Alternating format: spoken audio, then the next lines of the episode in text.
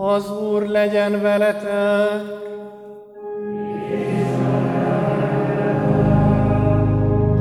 Evangélium Szent Márk könyvéből.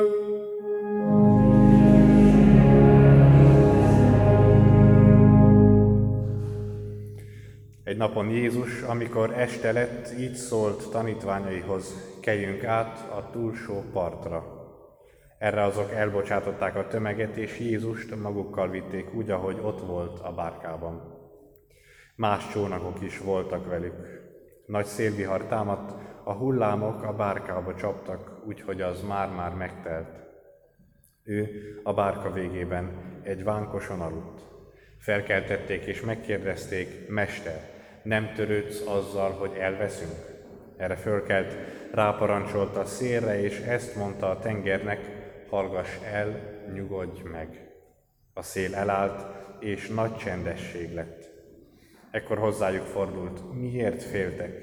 Még mindig nincs bennetek hit. Nagy félelem fogta el ugyanis őket. Egymást kérdezgették, ki lehet ez, hogy még a szél és a tenger is engedelmeskedik neki. Ezek az evangélium igéi.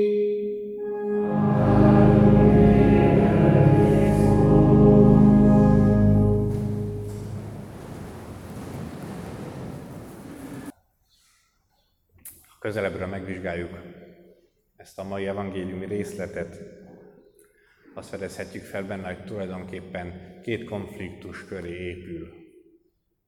Az egyik a tanítványok konfliktusa Jézussal. Hát nem törődsz azzal, hogy elveszünk?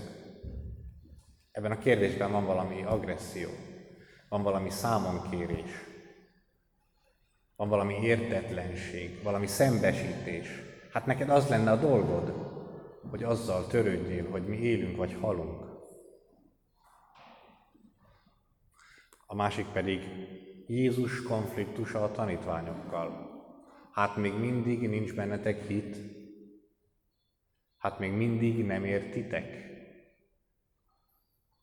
Csodákat teszek, kenyeret szaporítok, betegeket gyógyítok, halottakat támasztok föl, ördögöket űzök ki, magyarázom az Istennek az országát, az evangéliumot, amivel jöttem közétek. Mutatom, hogy én vagyok az Isten. Mutatom, hogy én milyen Isten vagyok. Itt vagyok erőttetek restben, megfoghattok, láthatjátok az arcomat, beszélhettek velem. Még mindig nem értitek. Általában nem szoktuk szeretni a konfliktusokat, vagy vannak emberek, akik kifejezetten kerülik azokat.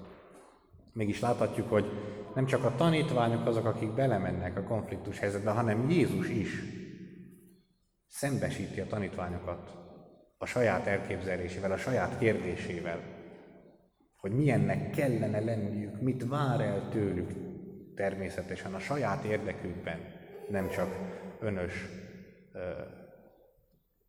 kény úrkodásból, hanem mert ez a tanítványoknak a javára válna, ha hinnének benne. Általában kerüljük a konfliktusokat, mégis látjuk, hogy tulajdonképpen, hogyha valóban őszinték akarunk lenni saját magunkkal, ha őszinték akarunk lenni a környezetünkkel, és hogyha valami autentikus, valami valami szép, valami valódi életet akarunk élni, akkor elkerülhetetlen, hogy szembesítsük. Adott esetben még az Istent is azzal, hogy mi mit akarunk tőle. Nem azért, mert neki van szüksége a szembesítésre, hogy ő aztán megváltozzon, hanem hogy mi magunk letisztázzuk, letisztítsuk magunkba, hogy tulajdonképpen mi mit is akarunk hogy mit várunk el az Istentől, és arra ő majd reagál, azt már hagyjuk meg neki. Mint ahogy itt a mai evangéliumban is.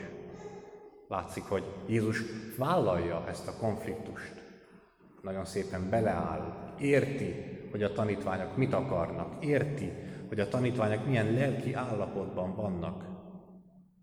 Hiszen azt mondja, Nem törődsz azzal, hogy elveszünk? Hát mi, hol van itt szó elveszésről? Vihar az van, a hullámok csapkodnak, és hogyha egy öt másodperc múlva vége, és a öt perc múlva vége, azt honnan tudják? A tanítványok hagyják, hogy az a külső vihar, ami a tengeren dúl, beléjük hatoljon és feldúlja a lelküket, de ez nem magától értető, de nem kellene, hogy, ez nem kellene, hogy így legyen, feltétlenül. Jézus mégis érti, mégis belemegy. Azt mondja, rendben van, most itt tartotok, akkor lecsillapítjuk a vihart, legalább a külsőt. Jézus érti, hogy a tanítványok miért haragszanak rá. Jézus érti, hogy a tanítványok mit akarnak, mert látja a sötétségeiket, és nem csak látja, hanem mert együtt tud érezni a sötétségükkel. A mai evangélium üzenete, hogy merjünk mi magunk is szembesülni a saját sötétségeinkkel.